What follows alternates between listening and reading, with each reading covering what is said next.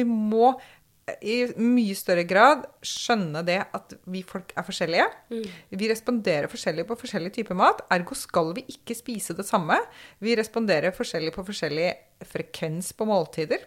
Ergo skal vi ikke nødvendigvis spise like ofte. Og så er det kjempestor forskjell på forskjellige aldersgrupper. Det er stor forskjell på hva et barn skal gjøre, og hva en voksen skal gjøre, og kanskje hva en eh, eldre skal gjøre. Og så er det forskjell mellom frisk og syk.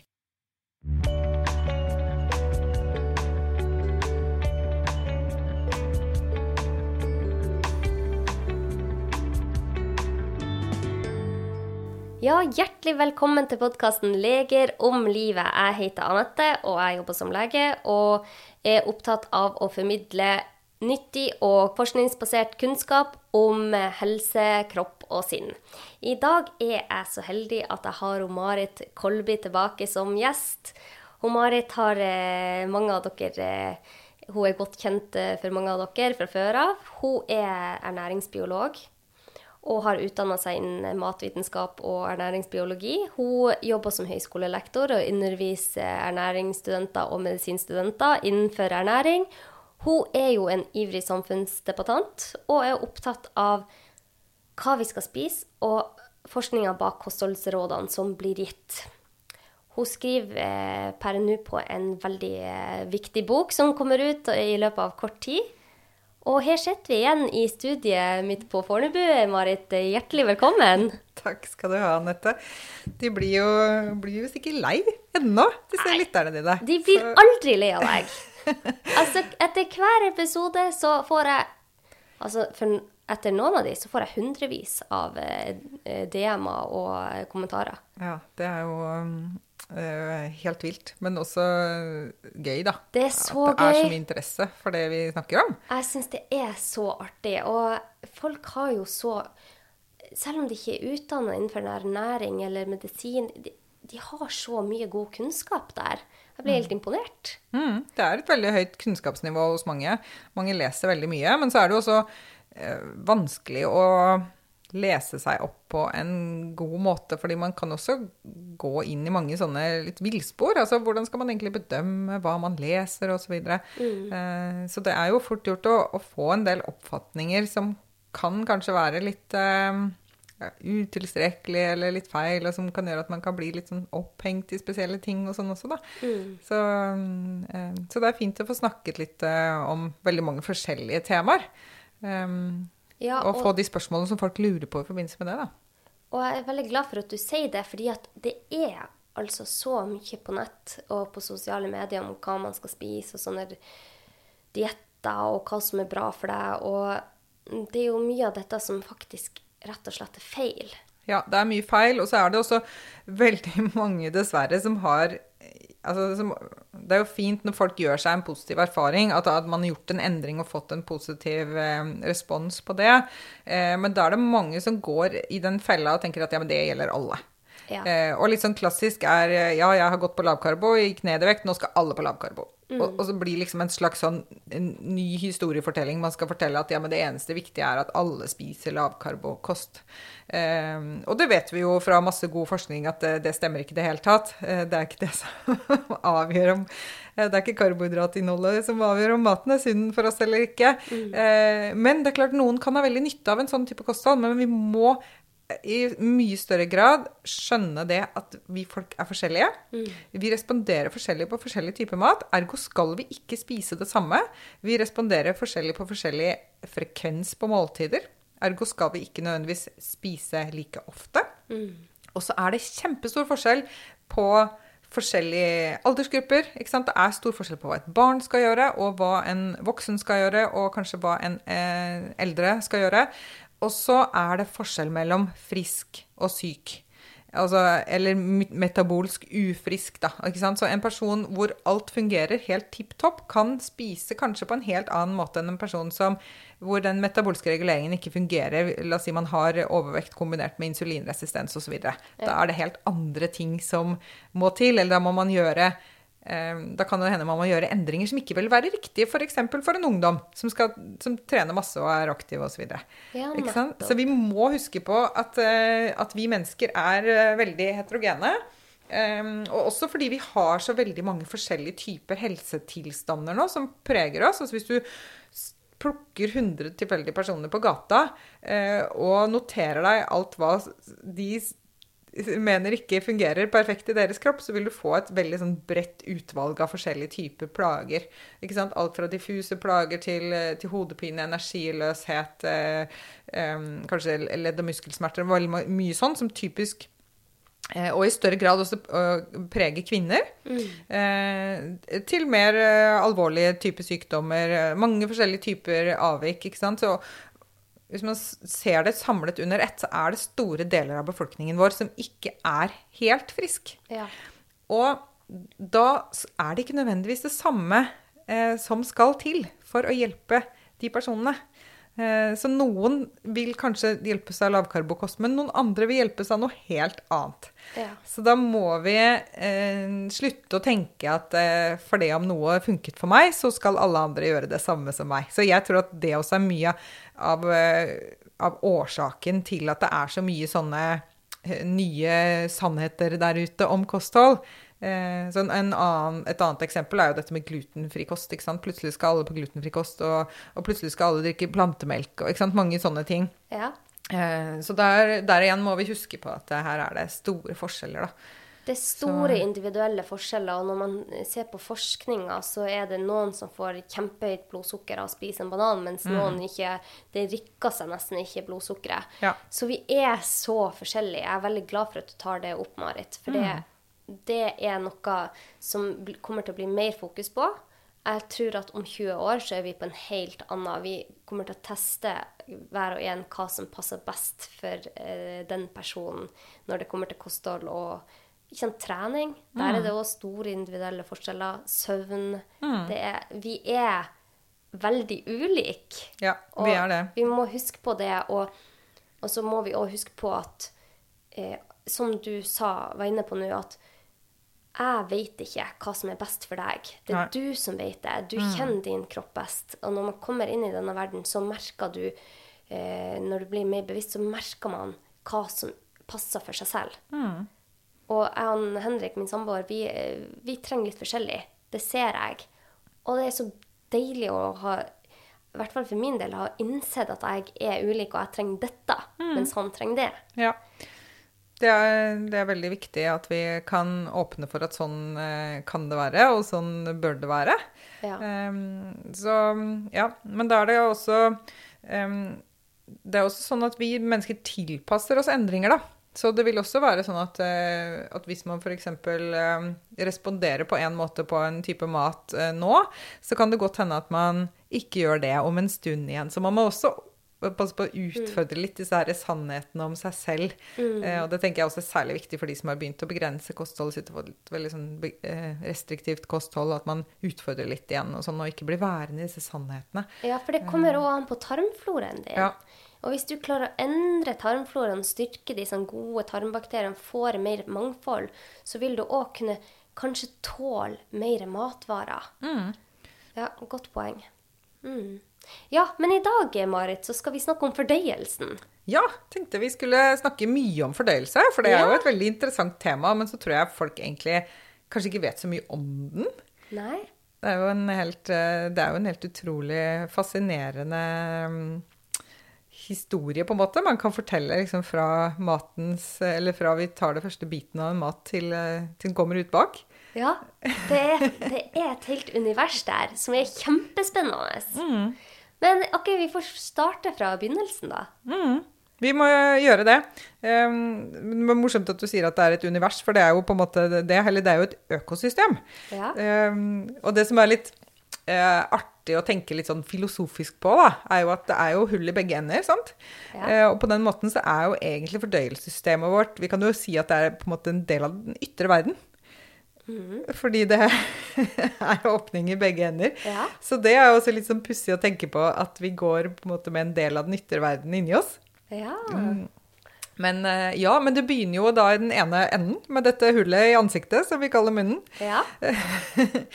Så hvis vi, eh, hvis vi begynner på en måte med, med hva som skjer der Det er jo veldig mye som skjer i munnen eh, som man ikke tenker på. Eh, vi tenker kanskje bare at eh, ja, vi tar en bit av en matvare, og så tygger vi den, og så svelger vi den. Eh, og så vet vi ganske lite egentlig om de prosessene der, eh, og hva som skjer der. Eh, Men eh, hvis du spør folk hva, hvorfor tygger vi, så tror jeg kanskje de fleste vil tenke at eh, ja, vi tygger jo for å knuse maten, og det er jo riktig, men så vet man kanskje ikke helt hvorfor vi skal knuse maten. Men det er jo fordi at eh, mye av maten består av celler som vi trenger å knuse og ødelegge, som vi eh, har vært inne på. Eh, for å få frigjort næringsinnholdet. Men det er også for å altså dele det opp i mindre partikler da, i det hele tatt er viktig for at vi skal få tak i næringsinnholdet. Men når vi tygger, så skyller vi også ut spytt. Og dette spyttet er egentlig kjempeinteressant. Det er, eh, det er ikke bare noe vanlige greier. Det inneholder en masse spesialiserte stoffer. Eh, Så det det gjør annet, er jo at det gjør maten myk og glatt. Så hvis man tenker seg å ta en biter av et tacoskjell og svelge det uten å ha tygget dem, så skjønner, skjønner man jo fort eh, at det er viktig. Sånn at maten kan, kan fint gå videre uten at den skader den skjøre tarmslimhinnen da, som den skal til, eller eh, overflaten i fordøyelsessystemet. Men spyttet inneholder jo også mange forskjellige stoffer. Det inneholder bl.a. fordøyelsesenzymer, som begynner å løse opp maten vår, bryte den ned i mindre biter. Eh, Og det som er viktigst hos voksne, det er jo da amylase, som spalter stivelse. Så det begynner allerede i munnen. Når du tygger, så begynner da eh, denne amylasen å jobbe med stivelsen og bryte den ned til mindre biter. Hvis du tygger veldig lenge på noe stivelsesrik mat, så kan du kjenne søtsmak, selv om den ikke er søt. Eh, Og det er da denne, dette enzymet som har virket. Ja. Eh, og spytt, spyttet inneholder også noen andre enzymer som begynner å dele opp næringsstoffene våre. Og de har antageligvis ikke så veldig mye å si for fordøyelse, men de har antageligvis mye å si for hvordan vi smaker og oppfatter maten. At da kjenner vi at Altså vi har da sånne reseptorer som merker at ja, her er det fett, og her er det proteiner og slike ting, og så sender da noen signaler til hjernen om hva vi har spist. Ja. Sånn at vi allerede, når vi får maten i munnen, så begynner vi å få noen det begynner å forme seg et slags bilde i hjernen av hvordan er dette måltidet her, hva er det jeg får nå, liksom. Mm.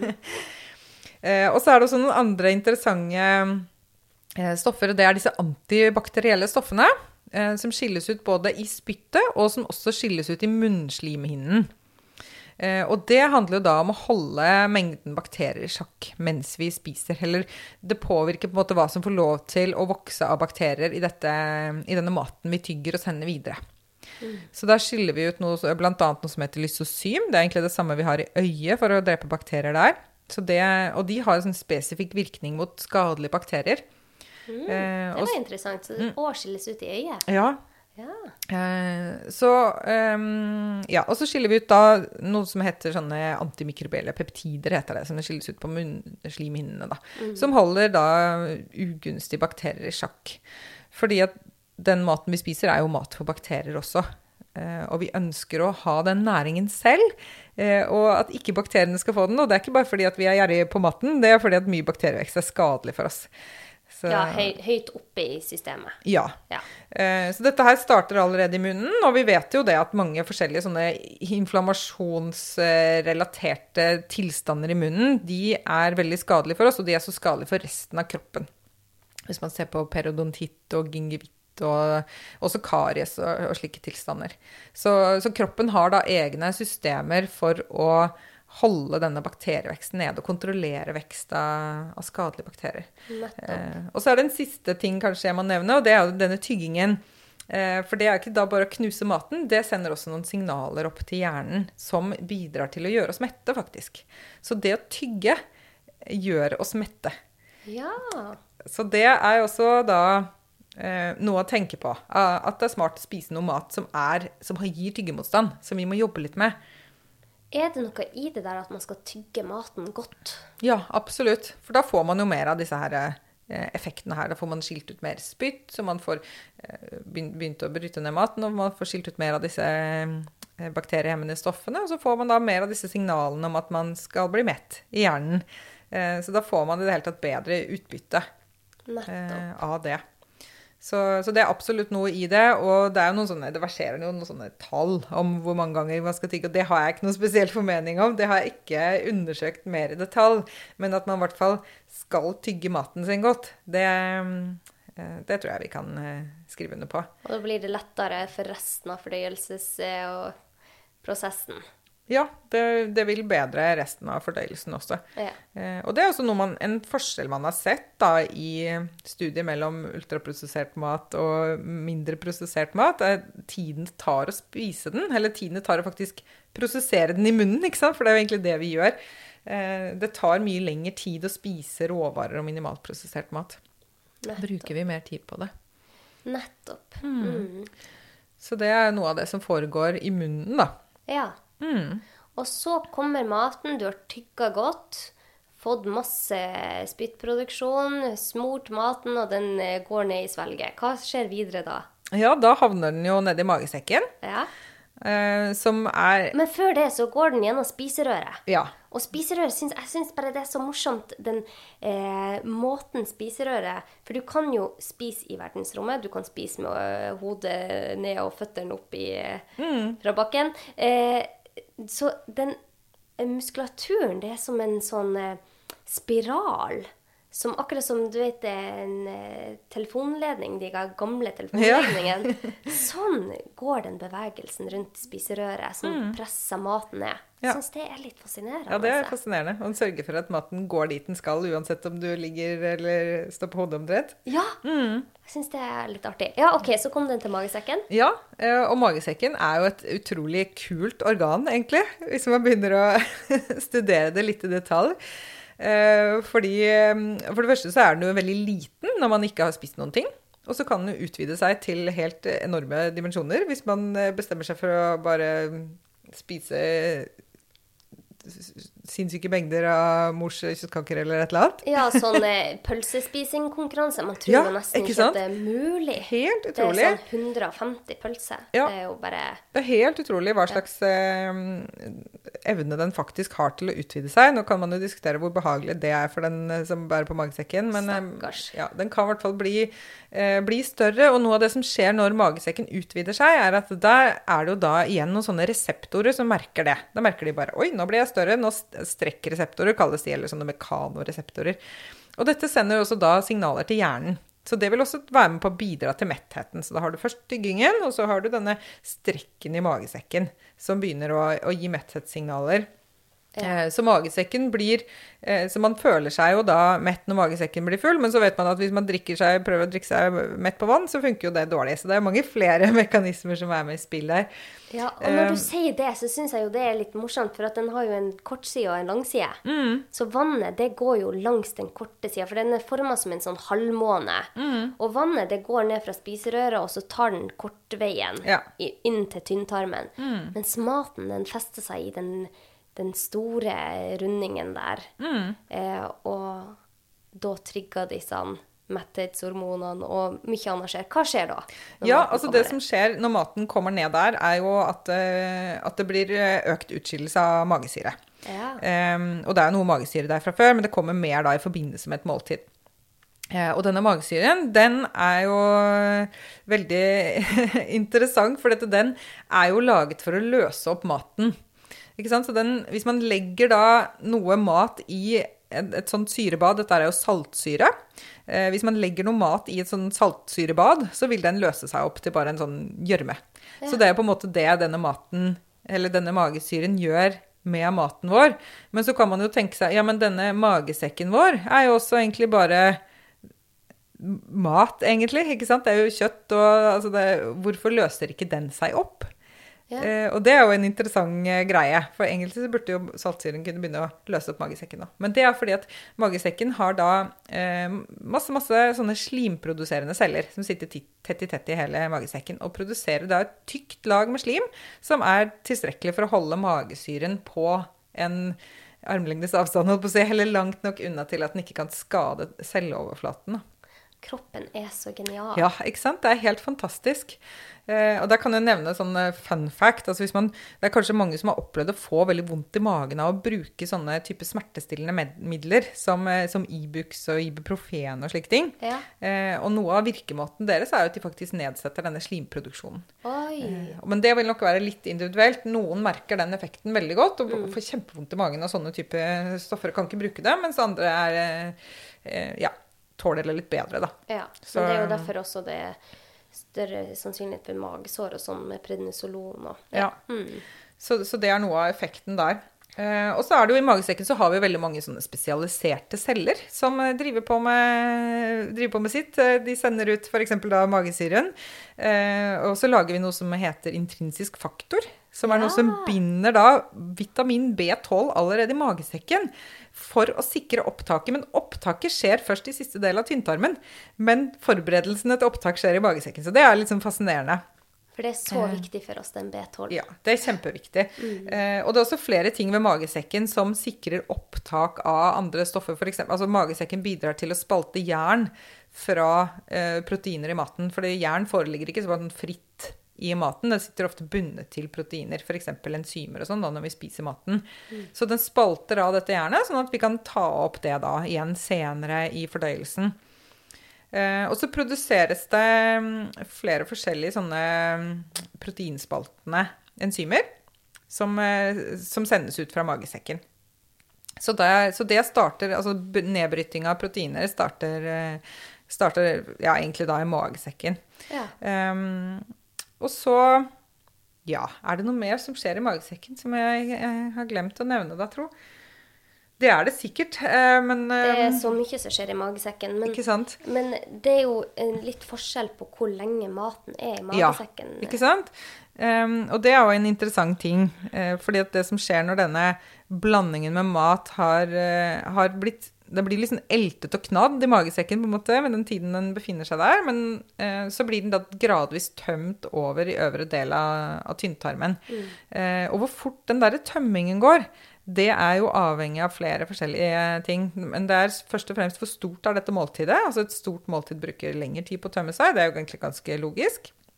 Fordi eh, det slippes kontrollert ut små porsjoner av gangen da, av mageinnhold Ja. inn i tynntarmen.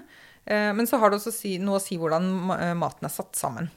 Så vi vet at eh, særlig fett, men også innholdet av proteiner, vil forsinke denne magesekktømmingen. Eh, og det er jo sannsynligvis tilpasset da at Altså at kroppen på en måte vet at ja, men jeg kan ikke slippe dette fettholdige innholdet for kjapt ned i tarmen, for da rekker jeg ikke å ta opp eh, før det har gått igjennom. Eh, fordi at eh, fettopptaket f.eks. er en litt treg prosess, da. Nettopp. Så mm, ja, så kommer det litt og litt ned i tynntarmen. Og eh, nei, det må vi jo nevne. Denne magesyren, den er jo ikke der bare for å løse opp maten. Den er jo der også for å drepe bakterier. Ja, Ja. det må vi huske å si. ja, ikke sant. Så når vi har tygget maten i munnen og blandet både matbakterier og munnbakterier, så er det jo masse, masse, masse bakterier der. For vi har masse bakterier både i mat og munn.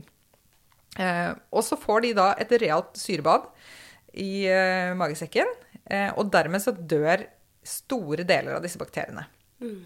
Eh, noen bakterier kan overleve dette syrebadet, og det um, eh, Særlig litt sånne syretolerante bakterier har en tendens til å overleve det bedre. Eh, men det er heller ikke sånn at det blir sterilt, selv om man kanskje tenker seg det. Eh, jeg mener at det er ca.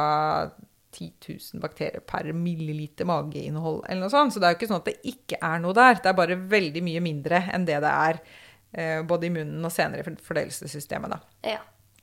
Eh, For litt bakterier skal gjennom.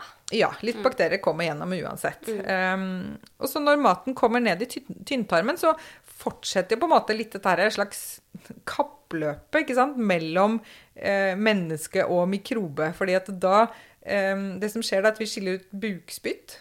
Og dette bukspyttet har en nøytraliserende effekt på på denne magesyren. Så nå blir det ikke så surt lenger. Og da kan disse bakteriene som er igjen, da kan de fortsette å, å vokse og formere seg. Um, og da prøver jo tynntarmen å holde bakterieveksten nede, fordi at mye bakterievekst i tynntarmen er ikke bra for oss. Eh, og dessuten så vil de ta næringen. Eh, for vi søker jo å få tak i denne næringen selv. Ja. Så også i tynntarmen så er det slik at vi skiller ut flere forskjellige stoffer som kontrollerer bakterievekst. Eh, og det kan også være stoffer som avgifter bakterier vi får eh, i oss via maten. Så der kommer det flere av disse her antimikrobielle peptidene da, som sørger for å holde bakterieveksten nede. Så um, ja. Eh, Så da går jo maten eh, videre i tynntarmen, og vi begynner å ta opp næringsstoffene. Ehm, Når det sure mageinnholdet kommer inn i tynntarmen, så er det et eh, signal som fører til at vi skiller ut noen eh, hormoner. Bl.a. noe som kalles for sekretin og kolesystokinin. Og disse her får da eh, både bukspyttkjertelen og galleblæra til å trekke seg sammen og tømme innholdet sitt inn i tarmen. Mm. Og hvorfor har vi galleblæra? Ja, den har vi jo fordi eh, altså Den er jo først og fremst bare et lager for gallen. Ja. Eh, fordi at det er jo leveren som lager gallen. Så det er jo et reservoar på en måte som, eh, som da kan vi ha på lur til vi spiser et måltid og få, få den tømt på en gang. Eh, så, men selv de som ikke har galleblære, vil jo ha galleproduksjon. Men da går jo galle, gallen på en måte bare rett inn i, inn i tarmen, da. Eh, Og gallen har vi der fordi at vi trenger, og vi trenger den for å kunne ta opp fettet. Fordi at fett og vann de løser seg jo ikke hverandre. Det ser man jo hvis man heller fett på toppen av, av vann, så ser man at de ikke kan blandes sammen. Eh, men for å få tatt opp fettet, så trenger vi å gjøre fettet mer vannløselig. Vi trenger å kunne sende det helt inn til tarmoverflaten på disse um, tarmtottene som vi har i, i tynntarmen. Um, og da må de være mer vannløselige, og det gjør gallen. Den finfordeler fettet, og etter hvert til bitte, bitte små partikler som er vannløselige, som kan da komme helt inn til tarmoverflaten. Og da kan disse fettpartiklene, eller fettsyrene som de heter da, etter at de har vært spaltet fra maten, da kan de tas opp. Ja. Mm. Mm. Så det er jo eh, veldig enkelt forklart om galle. Det er jo veldig mye interessant å si om galle. Jeg kunne snakket lenge om det. Ja, ja.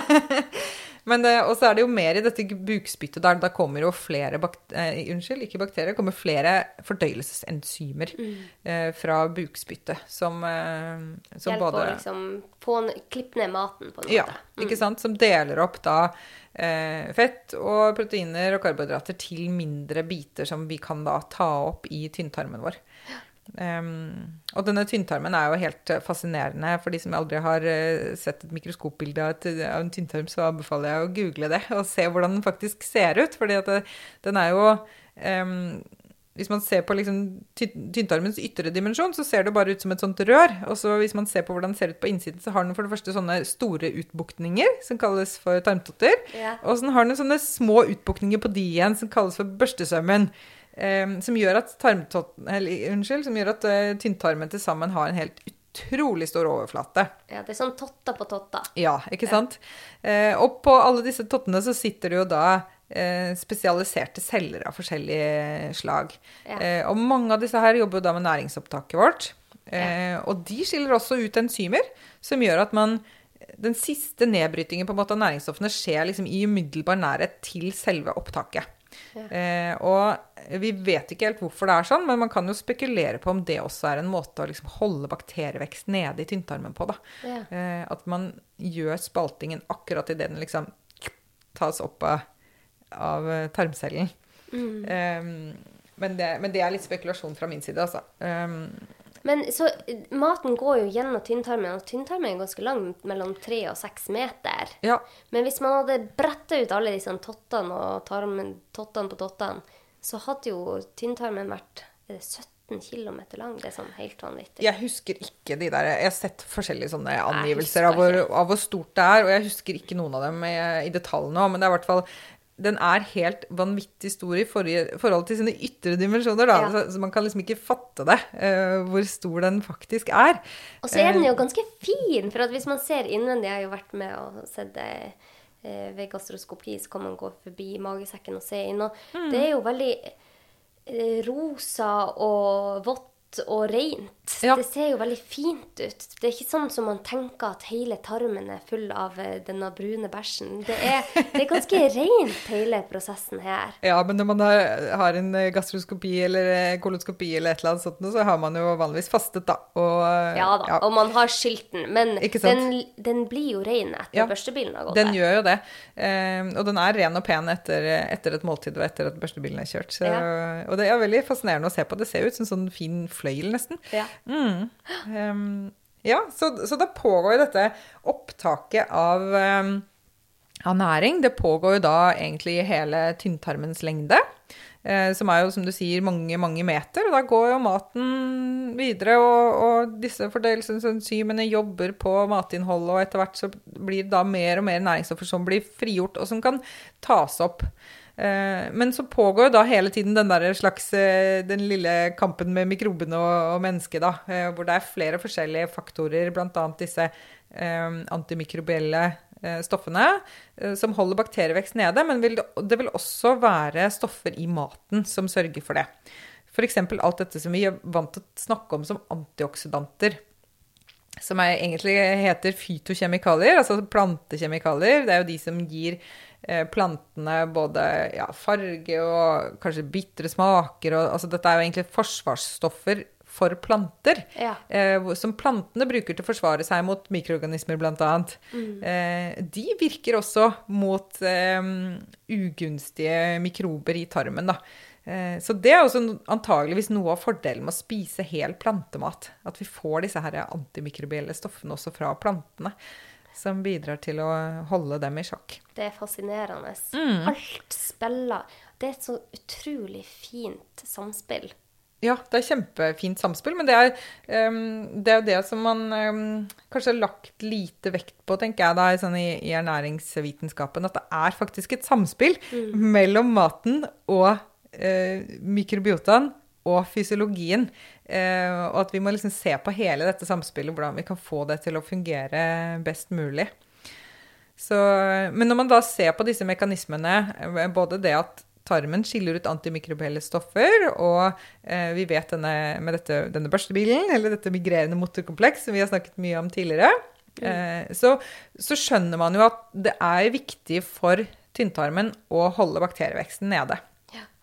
Eh, Det blir jo på en måte den eneste logiske konklusjonen man kan trekke av det.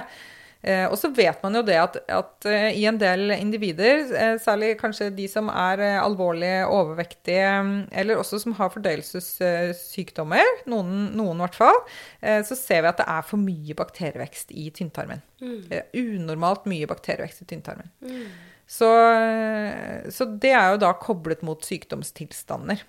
Så, da, så det tror jeg er noe vi vil bli mer oppmerksom på i årene fremover, og kanskje vil få bedre metoder for å vurdere det.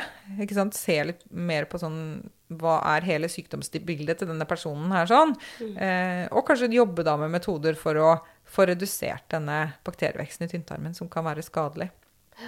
Fordi tynntarmen er altså ikke laget for å tåle mye bakterievekst. Det både skaper eh, betennelse, eller inflammasjon, da, som det heter. Og så vil det den, altså En type inflammasjon vil skade næringsopptaket. Det vil rett og slett eh, både skade tarmcellene og hemme deres evne til å reparere seg selv. Mm. Og det er vi veldig avhengig av, fordi dette eh, tarmsystemet vårt, eller tarmen i det hele tatt, er et eh, vev som får mye juling. Det er tøft å være tarmcelle. De får mye sånn både mekanisk belastning, kjemisk belastning fra både mat og bakterier og, fordøyelsesenzymer og, og slike ting.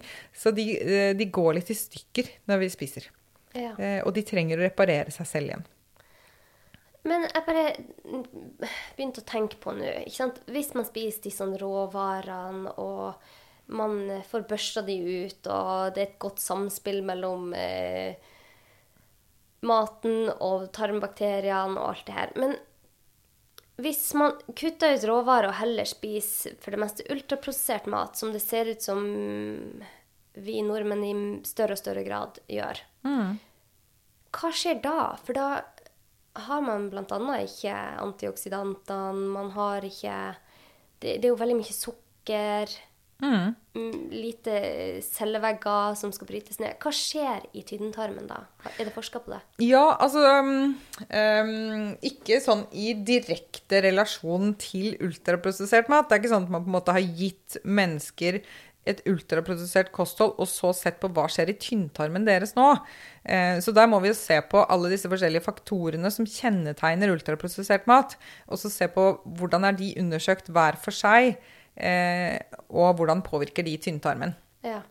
Eh, og så har vi et problem, da. ikke sant? Fordi tynntarmen er lite tilgjengelig.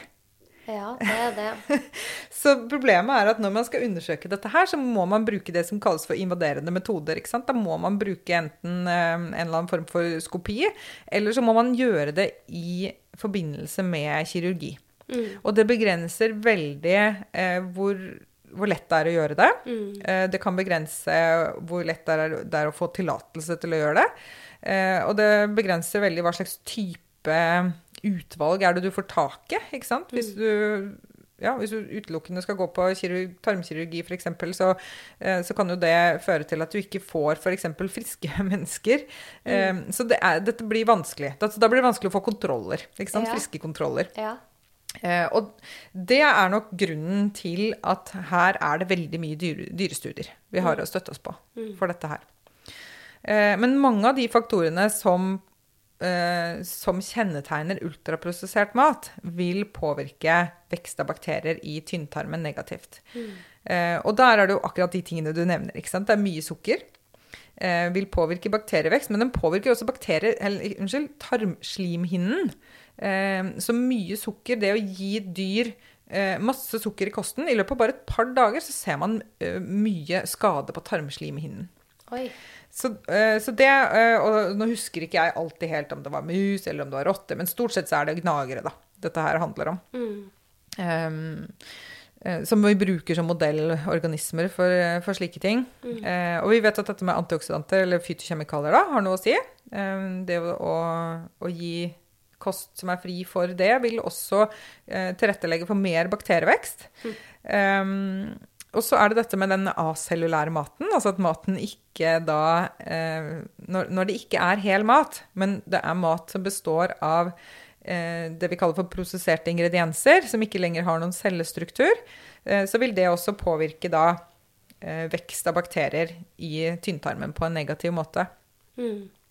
Men det er også noen flere faktorer som kan påvirke, og bl.a. noe vi har blitt klar over eh, ganske nylig, det er noen spesifikke tilsetningsstoffer. Eh, Og der er det noen som utmerker seg. Eh, Og særlig det som vi kaller for konsistensmidler. Der er det noen få, få som har utmerket seg. Dette har vi snakket om på en tidligere podkast. Ja. Ja, eh, og det de ser ut til at de gjør, er at de, de også gjør litt det samme som sukker. At de både fremmer bakterieovervekst i tynntarmen, og så tar de vekk den naturlige beskyttelsen. De fjerner dette slimlaget som skal ligge i tarmen. Oi. Som, som skal beskytte oss mot bakteriene. For det har vi i hele fordøyelsessystemet, så har vi da et slimlag som beskytter oss mot, eh, mot bakterievekst. Så her er det flere forskjellige faktorer som spiller inn, eh, som kan påvirke denne bakterieveksten i tynntarmen negativt, og også som kan påvirke selve fysiologien vår da, i tynntarmen negativt, hvis man ikke spiser hel mat. Um, så, så, men, men nå, nå bikket vi også litt sånn over egentlig i tykktarmen, for dette her er også Ja. effekter vi ser i tykktarmen. da. Ja. Eh, Så det er ikke bare tynntarm. Um, ja. Så da kommer vi over. Maten går gjennom tynntarmen, og så går den over til tykktarmen, da. Ja. Eh, Og tykktarmen er jo helt annerledes konstruert enn tynntarmen. Ikke sant? Der tynntarmen er eh, egentlig veldig sånn skjørt organ. Altså den, den celleoverflaten på tynntarmen er veldig skjør, tåler veldig lite juling. Eh, mens eh, tykktarmen er helt annerledes der. Den er konstruert for å være en sånn bakteriebeholder som skal ha bakterievekst døgnet rundt. Der pågår det kontinuerlig. Eh, og den har vi jo nettopp for å kunne hente ut ekstra energi og næringsstoffer fra maten vår ved hjelp av bakteriene. Og nå sier jeg bakterier, men eh, det er jo ikke bare bakterier. Det er jo andre mikroorganismer også. Det er jo både mm, sopp og ja, andre ting. Men det er kanskje det er bakteriene som er best undersøkt, da. Ja. Men her er det et univers av forskjellige bakterier, mellom 500 og 1000 forskjellige arter, og som alle har sine, sine egne funksjoner, og mange av de er veldig bra for oss. Ja, her er det et, eh, dette er jo et eh, kjempekomplekst økosystem, egentlig. Um, så, så der tynntarmen prøver å holde bakterieveksten nede, så prøver den egentlig å tilrettelegge for bakterievekst i, i tykktarmen. Ja. Uh, og der uh, lever det jo veldig mye forskjellig, og det er jo kjempeforskjellig fra person til person. Du og jeg har veldig ulik uh, tykktarmsflora, Ja. men vi kan jo fungere fint for det. Ja, og det er så spennende. Så det er jo litt mer på det vi sa tidligere i episoden, at det kan jo gjøre at kanskje noe mat er bedre for deg, og en annen type mat er bedre for meg. Ja. Og at man reagerer forskjellig på mat. For vi har forskjellige bakteriesammensetninger, og det som er viktig her i tarmen, har man funnet ut at man skal ha et mangfold. Og det som skjer nå, er at vi får mindre mangfold. Det har det vist seg. Ja, og det er også interessant at vi vi da kobler det opp mot vi Spiser vi sånn mat eller sånn mat? Uh, dette med bakteriemangfold er jo noe som går igjen i veldig mange studier. At man finner at en sunn tarmflora er en mangfoldig tarmflora. Eh, og her har vi jo ikke noen gode studier, men jeg tror kanskje vi har nevnt i en tidligere episode han Team Spector som, som kjørte en test på sønnen sin Ja. og ga han bare junkfood. Men det var bare ti dager, så mistet han vel 40% av, den, av det mangfoldet i tarmfloraen. Og fikk det ikke tilbake igjen på veldig lang tid etterpå. Ja, det er skummelt. Ja, Så det, det sier jo litt om um, hvor potent det egentlig er, da, denne kvaliteten på maten, og hvor mye den påvirker tarmfloraen vår. Ja, og disse tarmbakteriene de har jo mange funksjoner. Og bare for å eh, si et eksempel da, på hvor viktig tarmfloraen kan være, så har man f.eks. en ørkenrotte som bor i Utah i USA. Som, der det er kjempelite mat, det er kjempelite næring for denne eh, rotten. Men de klarer å fordøye en veldig giftig plante Oi. som det finnes litt av. Og det er sånn de klarer å overleve der. Men så har man gjort forsøk da, der man har gitt samme planten til rotte, mm. De dør med en gang. Ja. Og så tenkte man, hva er det som skjer her? Så ga de eh, antibiotika til disse ørkenrotten, slo ut hele tarmen deres. Og så fikk de bare leve ute i det fri og spise de plantene. De ble syke eller døde. Ja. Så fant man ut at disse rottene har noen tarmbakterier som klarer å bryte ned giftstoffene, sånn at de kan få tak i næringsstoffene uten at det blir skadelig for dem. Og det er jo bare et sånn lite eksempel, men jeg syns det er et godt eksempel på hvor viktig faktisk enkelte Dette var jo bare noen få bakteriestammer som gjorde, men hvor viktig det er å ha alle disse forskjellige bakteriestammene, for de har forskjellige funksjoner. Ja, det er kjempeinteressant, og jeg tror at her er det jo så mye vi fortsatt ikke har funnet ut. Eh, og hvis man da tenker på oss mennesker, og hvordan, eh, hvordan vi har utviklet oss, og hvordan det moderne samfunnet preger oss, så tenker jeg at kanskje en del av disse eh, plagene som mange opplever da, i, i forbindelse med mat, altså eh, matintoleranser f.eks., det kan jo være relatert til slike ting. Så la oss si man har fått tap av bakteriestammer som egentlig skulle hjelpe deg med å tåle mat. Ja. Eh, og så har man de i mindre grad fordi at Altså det er jo mange ting som, som påvirker denne tykktarmsfloraen, ikke sant? men vi vet jo f.eks. at eh, fødselsmetode har noe å si, om du har blitt ammet har noe å si. Ja. Eh, stress har absolutt noe å si. Søvn Ja, og antibiotika, ikke minst. Og særlig tidlig barneår, antageligvis. Mm. så alt dette her i kombinasjoner vil jo kunne gi en endret tarmflora. Altså allerede fra barnsbena. Og man kan ikke nødvendigvis gjenopprette denne tarmfloraen eh, i voksen alder hvis, den har, hvis man har viktet, mistet viktige funksjoner, da. Sant? Og så vet man jo også at dette her gjentar seg over Eller det forplanter seg i generasjoner. Så det kan jo faktisk gå tilbake i generasjoner at dette kan jo ha skjedd tidligere. tidligere. Ikke sant? Så det kan jo være eh, våre mødre hvor endringene har oppstått som senere da har påvirket oss til å tåle eller ikke tåle ting fortsatt, ikke sant? Tenk det. Ja, Men noe av det vi vet, er jo at vi moderne mennesker har jo en mindre variasjon i tarmflora enn det f.eks. folk som lever som jeger og sanker og, og sånn har. Så, så det er jo ikke en utenkelig tanke at vi har mistet funksjoner der som gjør at vi ikke tåler mat som vi tidligere har tålt. Eh, og det kan jo også skje hos Altså I løpet av et enkelt menneskes liv. Det er jo mange som har opplevd det, at, at man har tålt mat, og så plutselig så tåler man ikke mat lenger. Hva er det som har skjedd nå? Eh, Og det kan være forbigående, eller det kan være permanent. Men da kan det jo absolutt handle om sånne ting. Så, og kanskje for, i forbindelse med store endringer i livet, endringer i kosthold, antibiotikakurer, slike ting.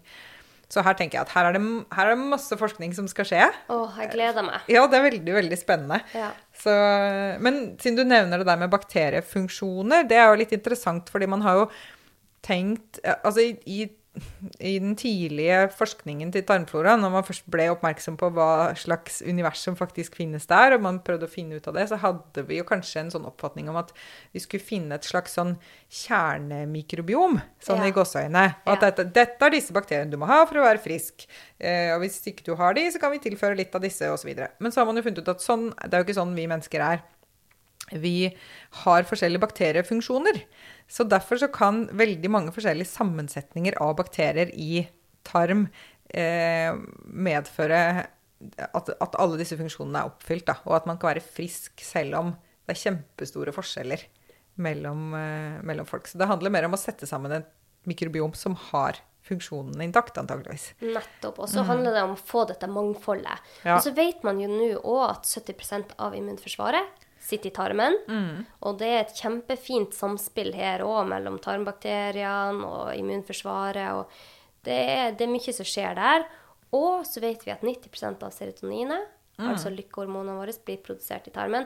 Serotonin brukes jo også til andre ting enn å gi oss lykkefølelse. Mm. Men jeg syns bare det er viktig å ta opp, fordi at eh, Ja, det å se på depresjon og angst som en mental lidelse er for meg helt utdatert. Ja, veldig. Altså, vi vet jo Det er jo så mange fysiologiske avvik som er, eh, som er dokumentert ved depresjon. Det er bare liste på liste på liste. Og, Ja. og, og serotoninproduksjon er jo noe av det. Og også endringer i tarmflora osv. Så, um, så det kan jo også uh, forklare noe om hvorfor man ser en økt risiko for depresjon hos de som spiser mest ultraprosessert mat. For den rett og slett tilrettelegger ikke for en normal tarmflora og normale funksjoner fra tarmflora. sånn da får man ikke dannet det man trenger for å holde, holde seg frisk. Da. Eh, men det som er, ser ut som det er en god nyhet der, er at hvis man da eh, endrer kostholdet til et kosthold som består, består mest av hele matvarer igjen, så ser det ut som man kan reversere det. I hvert fall en del individer. For der er det gjort noen intervensjoner på personer med, med depresjon som har fått kostintervensjon, og der er det en stor andel som, eh, som kan bli faktisk helt bra, eller som oppnår remisjon, da, som det heter, hvor du ikke har aktiv sykdom. Og jeg blir så glad av sånne forskninger, for at det har jeg sett også i praksis. Ja. Jeg har hatt eh, ganske alvorlig deprimerte pasienter som Mm. har blitt bra ved at vi har sett på mange faktorer i deres liv, bl.a. hvordan de spiser, og hvordan tarmen deres er. Mm. Så det er så bra at det kommer mm, god forskning på dette, sånn at vi kan begynne å ta dette i bruk i helsevesenet. Ikke sant? Det er så viktig. der er vi jo dessverre ikke kommet noe på vei ennå. Men det er klart hvis den kunnskapen når ut mot uh, legene f.eks., som typisk vil være de første som møter disse pasientene, så vil jo det være fantastisk at man, uh, at man kan gi noen råd om det, da. Og at man ikke eh, Ja, at det blir litt mindre sånn at, at man går hjem med antidepressiva og, og lykke til, liksom. Eh, fordi vi vet at fra studier at eh, Eh, omtrent like mange kan ha god effekt av kostintervensjon som antidepressiva. Og så slipper man jo da alle disse bivirkningene, og så får man jo andre positive bivirkninger i tillegg. Ja. ved å endre kosten til et bedre kosthold. Så foreløpig så er det, så vidt jeg vet, bare tre randomiserte kontrollerte studier som har gjort, brukt kostintervensjon eh, for å teste depresjon. Eh, og det tallet blir veldig, sikkert veldig fort veldig utdatert, for det er sikkert mange flere registrerte som, som pågår. Eh, men de ser jo alle veldig gode resultater av det. Så jeg, håper at det kommer inn i be behandling av mentale lidelser. Eh, og det kan liksom ikke gå fort nok, syns jeg, da. Men det er òg med alle typer eh, sykdommer og lidelser vi har, de er multifaktorielle. Nesten alle. Og for å kunne bli frisk, dette er jeg så opptatt av å formidle, for, for å bli frisk, så hvis det er mange faktorer, altså det er multifaktorielt, som har ført deg dit, så må man også se på mange faktorer for å få det bra igjen. Ikke sant? Og da er kost og mat en kjempeviktig faktor. Men vi ser jo òg at f.eks. hvis du får beveget deg mer Det handler ikke om at du skal springe en maraton hver dag, men for å bevege deg 150 minutter i uka, så kan du øke bakteriemangfoldet i tarmen din. Så det å ta det sånn som jeg Jeg har veldig lite tid til trening, egentlig, men jeg tar meg noen intervalløkter ti ganger opp en bakke. Jeg vet det er bra for tarmfloraen min, jeg vet det er bra for søvna mi, det er bra for hele kroppen. Så er, jeg syns det er så fascinerende, Marit, det her at samspillet er så komplekst. Tenk at trening kan påvirke tarmbakteriene dine. Mat er én ting, men det er så masse som kan påvirke tarmfloraen din. Ja, det er helt eh, fascinerende. Eh, Faste også påvirker tarmfloraen på en positiv måte. Det er veldig mange forskjellige må måter å, å påvirke tarmfloraen positivt på. Men, men, noe av det absolutt viktigste vi gjør, er, er helt klart kostholdet. Ja. Men, eh, men, det er jo som du sier, det er, det er, veldig spennende med alt dette som er så multifaktorielt. og så prøver, Man må prøve å finne ut av hva er det egentlig som kan hjelpe en person som ikke er frisk, da. Mm. Um, og det er litt interessant dette her som kalles for Anna Karenina-prinsippet.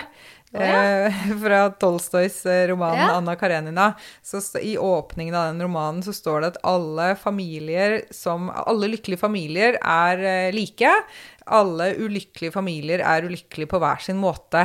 Og det tenker jeg liksom kan overføres litt til dette med helse. fordi at alle som er friske, er egentlig ganske like. ikke sant? Idet de, de, de sover nok, de beveger seg, de spiser sunn mat, eh, de har gode sosiale relasjoner, eh, de tar lite dop, røyker lite, drikker lite altså gjør, ikke sant? gjør lite negative ting og gjør mye positive ting. Så de er ganske like på det. Mens alle de som ikke er friske, de er eh, ufriske på sin egen måte. Eh, så da må man prøve å finne ut av hva er det egentlig som kan hjelpe denne personen her. Altså, da kan det være utrolig mange forskjellige kombinasjoner av ting. Altså, noen må begynne å jobbe med søvnen. Noen først og fremst. Det er kanskje det som egentlig hemmer hele den personens mulighet for positiv utvikling. Mm. Så da er det der man skal ta tak først. Mens andre så er det kjempeviktig å ta tak i kosten først, hvis den består av nesten 100% ultraprosessert mat. Mm. Men så kan man jo også spise sunt hvis alt det andre ikke er i orden. Så man, har man ikke god helse allikevel. For det påvirker òg tarmfloraen din. Ja, ikke sant? Ja, og det, det, er helt Jeg er så enig i dette, Marit. Så det er, ja, det er kjempespennende å da finne ut av hvorfor Hvorfor er ikke du frisk? Hva er det vi skal begynne med? Og, hvordan, og hvor er selve rotårsaken? da? Mm. Istedenfor å, å se ok, jeg ser disse biokjemiske prøvene, da kan vi skrive ut dette legemiddelet. Mm. For det er veldig sjelden at sykdom egentlig skyldes mangel på medisin. I hvert fall sånn type sykdom som, eh, som vi, vi, ofte snakker om, da. Det som er kostholdsrelatert. Ja. Mm. ja. Og det er selvfølgelig mange sykdommer som er som er, ja, er Som skal behandles med medisiner. Og skal behandles mm. med medisiner. Mm. Men jeg tror at uansett nesten hvordan sykdom man har, så vil det hjelpe deg i hvert fall å ha fokus på maten og litt på søvn og litt på bevegelse. Du skal ikke bli perfekt på noen områder. Jeg er veldig uperfekt på alle de områdene, men sammen så gir de meg en buffer. Mm. Og det har jeg veldig trua på. Ja, absolutt. Ja, så bra! Nå har vi gått vi... gjennom hele fordøyelsessystemet. Ja, har vi det? Men vi må kanskje snakke, skal vi snakke litt mer om tykktarmen, eller? Vi må ja, snakke litt ja, om hva som ja. skjer der også. Ja, altså, selvfølgelig. Vi snakka litt om disse funksjonene til, eh, til tarmfloraen. At eh, vi var vel så vidt inne på det, at de blant annet de bryter ned matrestene våre, da. Um, og da handler det jo om hva vi har spist. Hvis vi har spist mye hel plantemat, så vil det være mye rester av den. Og da, typisk da mye slike hele planteceller som da gunstige bakterier kan begynne å gå løs på. Ja. Så det de gjør, er at de bryter de ned, og så lager de mange forskjellige produkter og stoffer. Men noe av det de lager som vi har studert ganske godt, da, det er det vi kaller for sånn kortkjede av fettsyrer. Uh, og de de gjør flere ting. Altså, noe av det de gjør, er at de gjør tarminnholdet ganske surt. Og det, det vil hindre vekst av ugunstige bakterier, for de liker ikke syrer. Mens bakterier som er bra for oss, de er syretolerante. Ehm, så det vil på en måte kontrollere et, et, bra miljø i tarmen, bare det å spise da hel plantemat. Mm. Um, og så uh, bruker jo tarmcellene våre disse forbindelsene. Ehm, disse kortkjeda fettsyrene. De bruker de som energi. Mm. Men de sender også en del av dem inn i sirkulasjonen vår, hvor de bl.a. Eh, signaliserer og gjør oss mette. Så de bidrar også til metthet.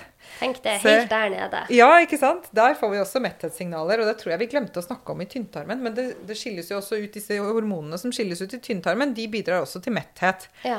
Um, så vi får en masse signaler hele veien som sammen bidrar til at vi blir mette, og vi trenger på en måte hele den pakka. Så? Vi begynte i munnen og snakket om at ja, man blir mett av å tygge, men man blir ikke bare mett av å bare tygge.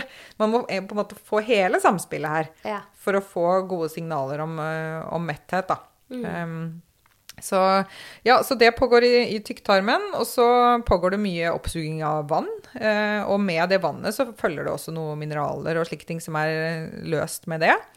Um, og så er det antageligvis, tror jeg, så er det mer opptak av næringsstoffer i tykktarmen enn det vi egentlig har undersøkt.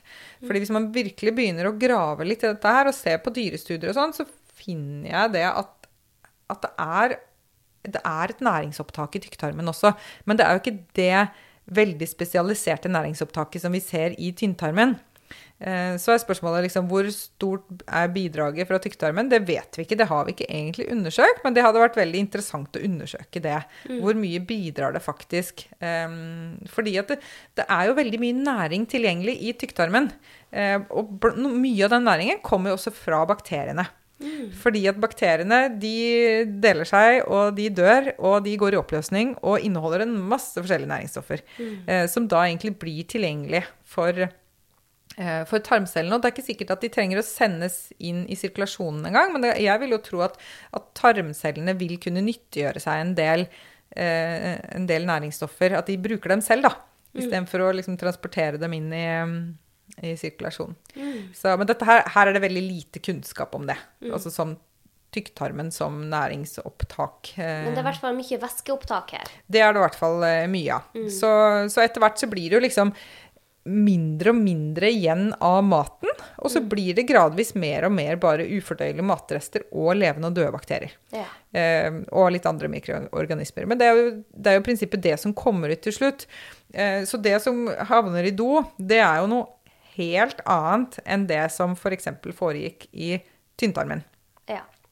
Eh, Så da er det jo litt sånn paradoksalt at når vi skal måle på folks tarmflora, så bruker vi det som kommer ut bak.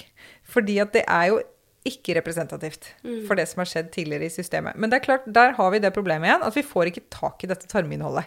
Vi får ikke tak i det som er midt i, i tynntarmen, uten å operere på folk eller eh, ja, bruke invaderende undersøkelser. Da. Eh, så, men derfor så er det jo sannsynlig at vi har kommet til en del litt for kjappe konklusjoner om hvem som bor i tarmen og hva de gjør osv. Fordi at de har jo da endret seg veldig mye. Eh, hele, denne, hele dette økosystemet endrer seg veldig mye hele veien gjennom tarmen.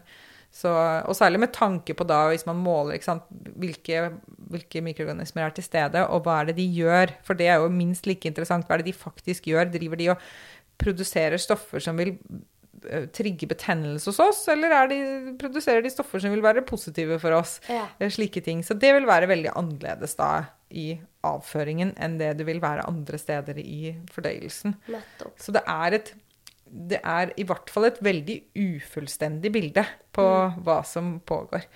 Så, Vi har så mye mer og uh, vi skal vite om det her Ja, før det er et endt kapittel. absolutt. Det er ja. Så, men det er jo spennende. Vi, vi Det, vi, blir, vi går ikke tom for temaer å snakke om. Og, og de som jobber med denne forskningen, går ikke tomme for, eh, for studier å, å utføre. Eh, Vi har lært ekstremt mye, da. Altså det er jo, ja, for bare et par tiår siden så var det ingen som snakket om tarmbakterier. Eh, Og så er det jo i løpet av i hvert fall de siste ti årene så har det jo tatt helt av. Eh, Ja. Og så er vi nå i ferd med, tenker jeg, da, innen den vitenskapen her, å liksom innstille oss på en litt mer sånn ehm, OK, nå vet vi litt mer. Hva er det vi fortsatt ikke vet? Hva er det vi må finne ut av? Ehm, ja, og, og skjønner, skjønner hvor komplekst dette her faktisk er, da. mm, Uh, og, så, og så utvikles jo metodene stadig også, som gjør at det blir mulig å, å undersøke dette her på stadig bedre måter. mm. Så det har også vært eh, Eller det har jo lagt til rette for at vi har faktisk kunnet gjøre denne forskningen. Før så hadde vi jo ikke metode for å analysere på hvilke bakterier som var der engang. Ja, nettopp. Mm, da måtte man dyrke de. Da, da måtte de la seg dyrke i en petriskål på ja, ja, Da var det ikke mange bakterier igjen. Nei, ikke sant? Særlig de som da De fleste som lever inni der, er jo ikke så glad i luft, så Nei. mm. Nei, det blir eh, et spennende kapittel. Men det vi i hvert fall kan gjøre nå for å få bedre fordøyelse For det er jo enormt mange som sliter med fordøyelsen sin. Mm. Det er jo eh, Jobber én dag i allmennpraksis, så ser man hvor mange som sliter. Og ofte så nevner ikke pasientene det engang, fordi at de har så mange andre symptomer. Men eh, kanskje symptomene kommer fra fordøyelsen. Det er jo det man eh, prøver å finne ut nå med eh, all den forskninga som pågår. Men så nå har vi snakka om fordøyelsen, og vi har snakka om at eh, maten vi spiser, påvirker fordøyelsen vår i stor grad. Så det å spise hel, ren mat, altså råvarer, som du sier, er essensielt for å få i gang dette systemet på en bedre måte. Og så har jo tarmbakteriene våre også en døgnrytme, så de trenger også å hvile. Så det å ha stabil eh, våken- og søvnsyklus er veldig bra for både deg og bakteriene dine. Og så har det vist at bevegelse kan hjelpe tarmen din. Og en ting som blir underkommunisert, er stress. Mm. Det å gå med høy eller lavgradig kronisk stress, det påvirker oss på så mange forskjellige måter, men det påvirker også bakteriene våre. Mm, det gjør faktisk det. Og det er veldig interessant at, eh, at det er bare å, å skape stress, eh, så er det en målbar endring i tarmfloraen. En, en negativ endring i tarmfloraen da, i etterkant. Det er helt, eh, helt fascinerende. Hva gjør du for å holde nede stressnivået? Eh, Ja, hva gjør jeg? Jeg har blitt skikkelig flink til å legge meg tidlig, faktisk. Ja, Ja. bra. Når er din eh, døgnrytme? Ja, jeg står opp eh, stort sett klokken seks. Eh, og hvis jeg skal fungere godt hele dagen gjennom da, så trenger jeg egentlig å sove klokka ti. Ja. Så du legger deg i senga rundt halv ti, du? Jeg gjør egentlig det. Jeg legger meg faktisk nesten samtidig som barna legger seg. Men de står opp litt seinere enn meg, da. Så, men da sovner jeg jo ofte ikke med en gang, men da ligger jeg og leser litt bok. Ja. Um, for det syns jeg er en veldig deilig måte å avslutte dagen på. Bare rett og slett ligge og lese til jeg blir trøtt. Og så sovner jeg veldig ofte rundt ti. Så jeg har, skjønt, jeg har funnet ut det at hvis jeg lar kroppen min styre hvor mye den får lov til å sove, så vil den helst sove åtte timer. Er det ikke fascinerende? det Ja, ikke sant? Jeg, etter at jeg ble mye mer obs på søvna, så har jeg funnet ut at min kropp den vil sove fra rundt halv elleve til syv. Og jeg våkner av meg selv klokka syv.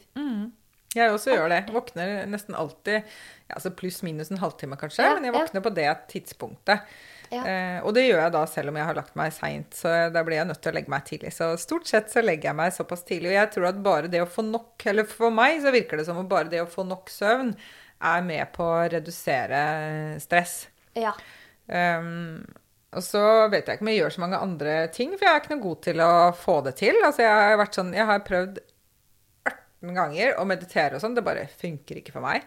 Jeg har gitt opp. Okay. Det bare går ikke. Men det skal jeg Jeg skal ha en episode om det, Marit. Jeg går i skogen og sånn. Altså når jeg går ute i skogen Ja, alene, ja. ute i skogen, det er min meditasjon. Det er det som funker. Og det reduserer stress. Da kan jeg, jeg kan gå ut med kjempehøye skuldre, og så kommer jeg tilbake, og så er jeg helt rolig. Så bra. Man må finne det som virker for seg. OK, ja. Så, men eh, veldig interessant at eh, du er blitt så nøye med den søvna. Jeg tror at det har mye å si for helsa. Det, altså, det resetter helsa vår hver dag. Det gjør det. det er, og det er jo en helt eh, gratis og veldig behagelig investering i, i god helse. Ja. Men eh, ja. Jeg har flere episoder om søvn hvis du sliter med søvn. For det er mange ting man kan gjøre der. Men det å få fordøyelsen i gang, det vil hjelpe søvna òg. Alt påvirker hverandre? Marit. Det er disse ringvirkningene. ikke sant? Det ene drar med seg det andre. Og, og hvis man er i en eh, altså da, Det kan være liksom en, en god syklus, da, eller god eh, Ja, en god Ja, det ene påvirker det andre på en bra måte, og det kan også være en, på en negativ måte, ikke sant. Så, så det gjelder å bare bryte den der syklusen et sted, hvis den har blitt negativ. Så, og det kan man gjøre på flere måter. Det kan man gjøre med å begynne å jobbe med søvnen, eller man kan begynne å gjøre det med kosthold, eller man kan til og med begynne med sosiale relasjoner, liksom. Og få, ha mer kontakt med, med venner og familie, og, og personer som gjør deg godt, og som, som gjør at du føler at å, det var godt å være sammen med deg. Ja. Ikke sant? Så, så det kan også være et sted å begynne som, for å få den der ballen til å rulle i riktig retning. Mm. Så vi er veldig Vi er uh, veldig komplekse, vi mennesker. Og, og vi har eh, hatt en tendens til å se på oss som en sånn derre At vi er satt sammen av sånne enkelte små biter som man kan se på hver for seg, men de, de henger sammen. Vi kan ikke dele oss opp. Nei, det er helt sant. Ja, nei, da tror jeg vi eh, ser at vi har gått inn på mye bra i dag. Har du noen siste tips du vil eh, gi til lytterne eh, om hvordan man kan få bedre fordøyelse? Ja, um, ja, det blir jo disse tingene vi snakket om, da. Altså, det blir jo det å, å øke kvaliteten på maten. Um, passe på at man spiser mest mulig mat av råvarer og, og minimalt prosessert mat. Um, hvis man spiser veldig ofte og har fordøyelsesproblemer, Ja. så kan det være veldig nyttig å prøve å redusere på antall måltider. Mm. Eh, fordi at man rett og slett kanskje da trenger mer av disse prosessene som går mellom måltidene, som vi har snakket mye om før. Ja. De viktige renseprosessene som sørger for å opprettholde eh, god funksjon. eh, og sørger for at vi får reparert oss selv mellom måltider. og prøve, prøve på det hvis man eh, sliter med fordøyelsen. Men så, så er det jo selvfølgelig um, veldig mange flere ting man kan gjøre. Og dette kunne vi jo laget eh, sikkert en hel podkastserie om, ikke sant? med hva slags type tilnærming man kan gjøre hvis man reagerer på mat. Men, men det blir jo det å prøve å finne ut hva er det som fungerer for meg. Um, hva er det Hvis man reagerer på spesifikke matvarer, er, er det noe Kan man finne noe mønster i det? Og da er det jo smart å få hjelp av noen. Ikke sant? Få hjelp av noen som jobber profesjonelt med kostveiledning eller, mm. eller lege. Altså eh, ikke prøve nødvendigvis å finne ut av alt slik på egen hånd hvis man har mye fordøyelsesproblemer. For det kan være utrolig vanskelig. Men igjen, da, som vi snakket om, altså stress kan være en ting som, som skaper fordøyelsesproblemer. Så hvis du merker at ja, du føler at du reagerer på mat, men vet også at du går med skuldrene oppunder ørene hele tiden, så kan man, kan, kan man kanskje prøve å jobbe med stresset først. Ja. Mm. Ja, nettopp. Så, Se ja. hva er det som er mest essensielt i sin, sitt liv. Mm. Hva er det som plager deg mest? Kanskje ikke det er maten man skal begynne med da. Mm. Eh, at det er noe annet man skal begynne med. Men eh, det å se på mat, relasjoner, stresset, søvner og hvordan man beveger kroppen. Mm. De fem. Ja. Og ta én ting av gangen. Mm. Ja. Så bra, Marit. Jeg er så glad for at du hadde tid til å komme til eh, mitt eh, eh, lille studio her på Fornebu. Veldig koselig, dette lille studioet ditt. Altså, jeg kommer gjerne tilbake hit, jeg. Ja, vet du, jeg er så glad i det. Han, Anton han får ikke tilbake soverommet sitt med det første. Nei, men eh, da eh, sier vi takk for oss. Og dere kan finne Marit på marit-kolby på Instagram. Og hvor ellers er du? Ja, jeg ehm, eh, Nei, det er vel egentlig der jeg driver og formidler. Jeg er også på Twitter, da, men der er det litt mer, eh, mer sånn nerding. Litt sånn, ja. Ja, der, der foregår det mest i samtaler med andre forskere eh, om ganske detaljerte ting ofte. Men, eh, men jeg er aktiv på Twitter også. Ok. Eh, Er det på Marit Kolby der òg? Ja. Ja, ok. Og så kommer snart din bok ut. Det er Ja. vel ikke Tittelen er vel kanskje ikke lansert helt ennå. Nei, det er ikke spikret noen tittel ennå. Men jeg skal eh, dele om det når den er kommet ut. Jeg lover. ja, det setter jeg pris på. OK, takk for at du kom. Jo, takk for at jeg vil komme tilbake.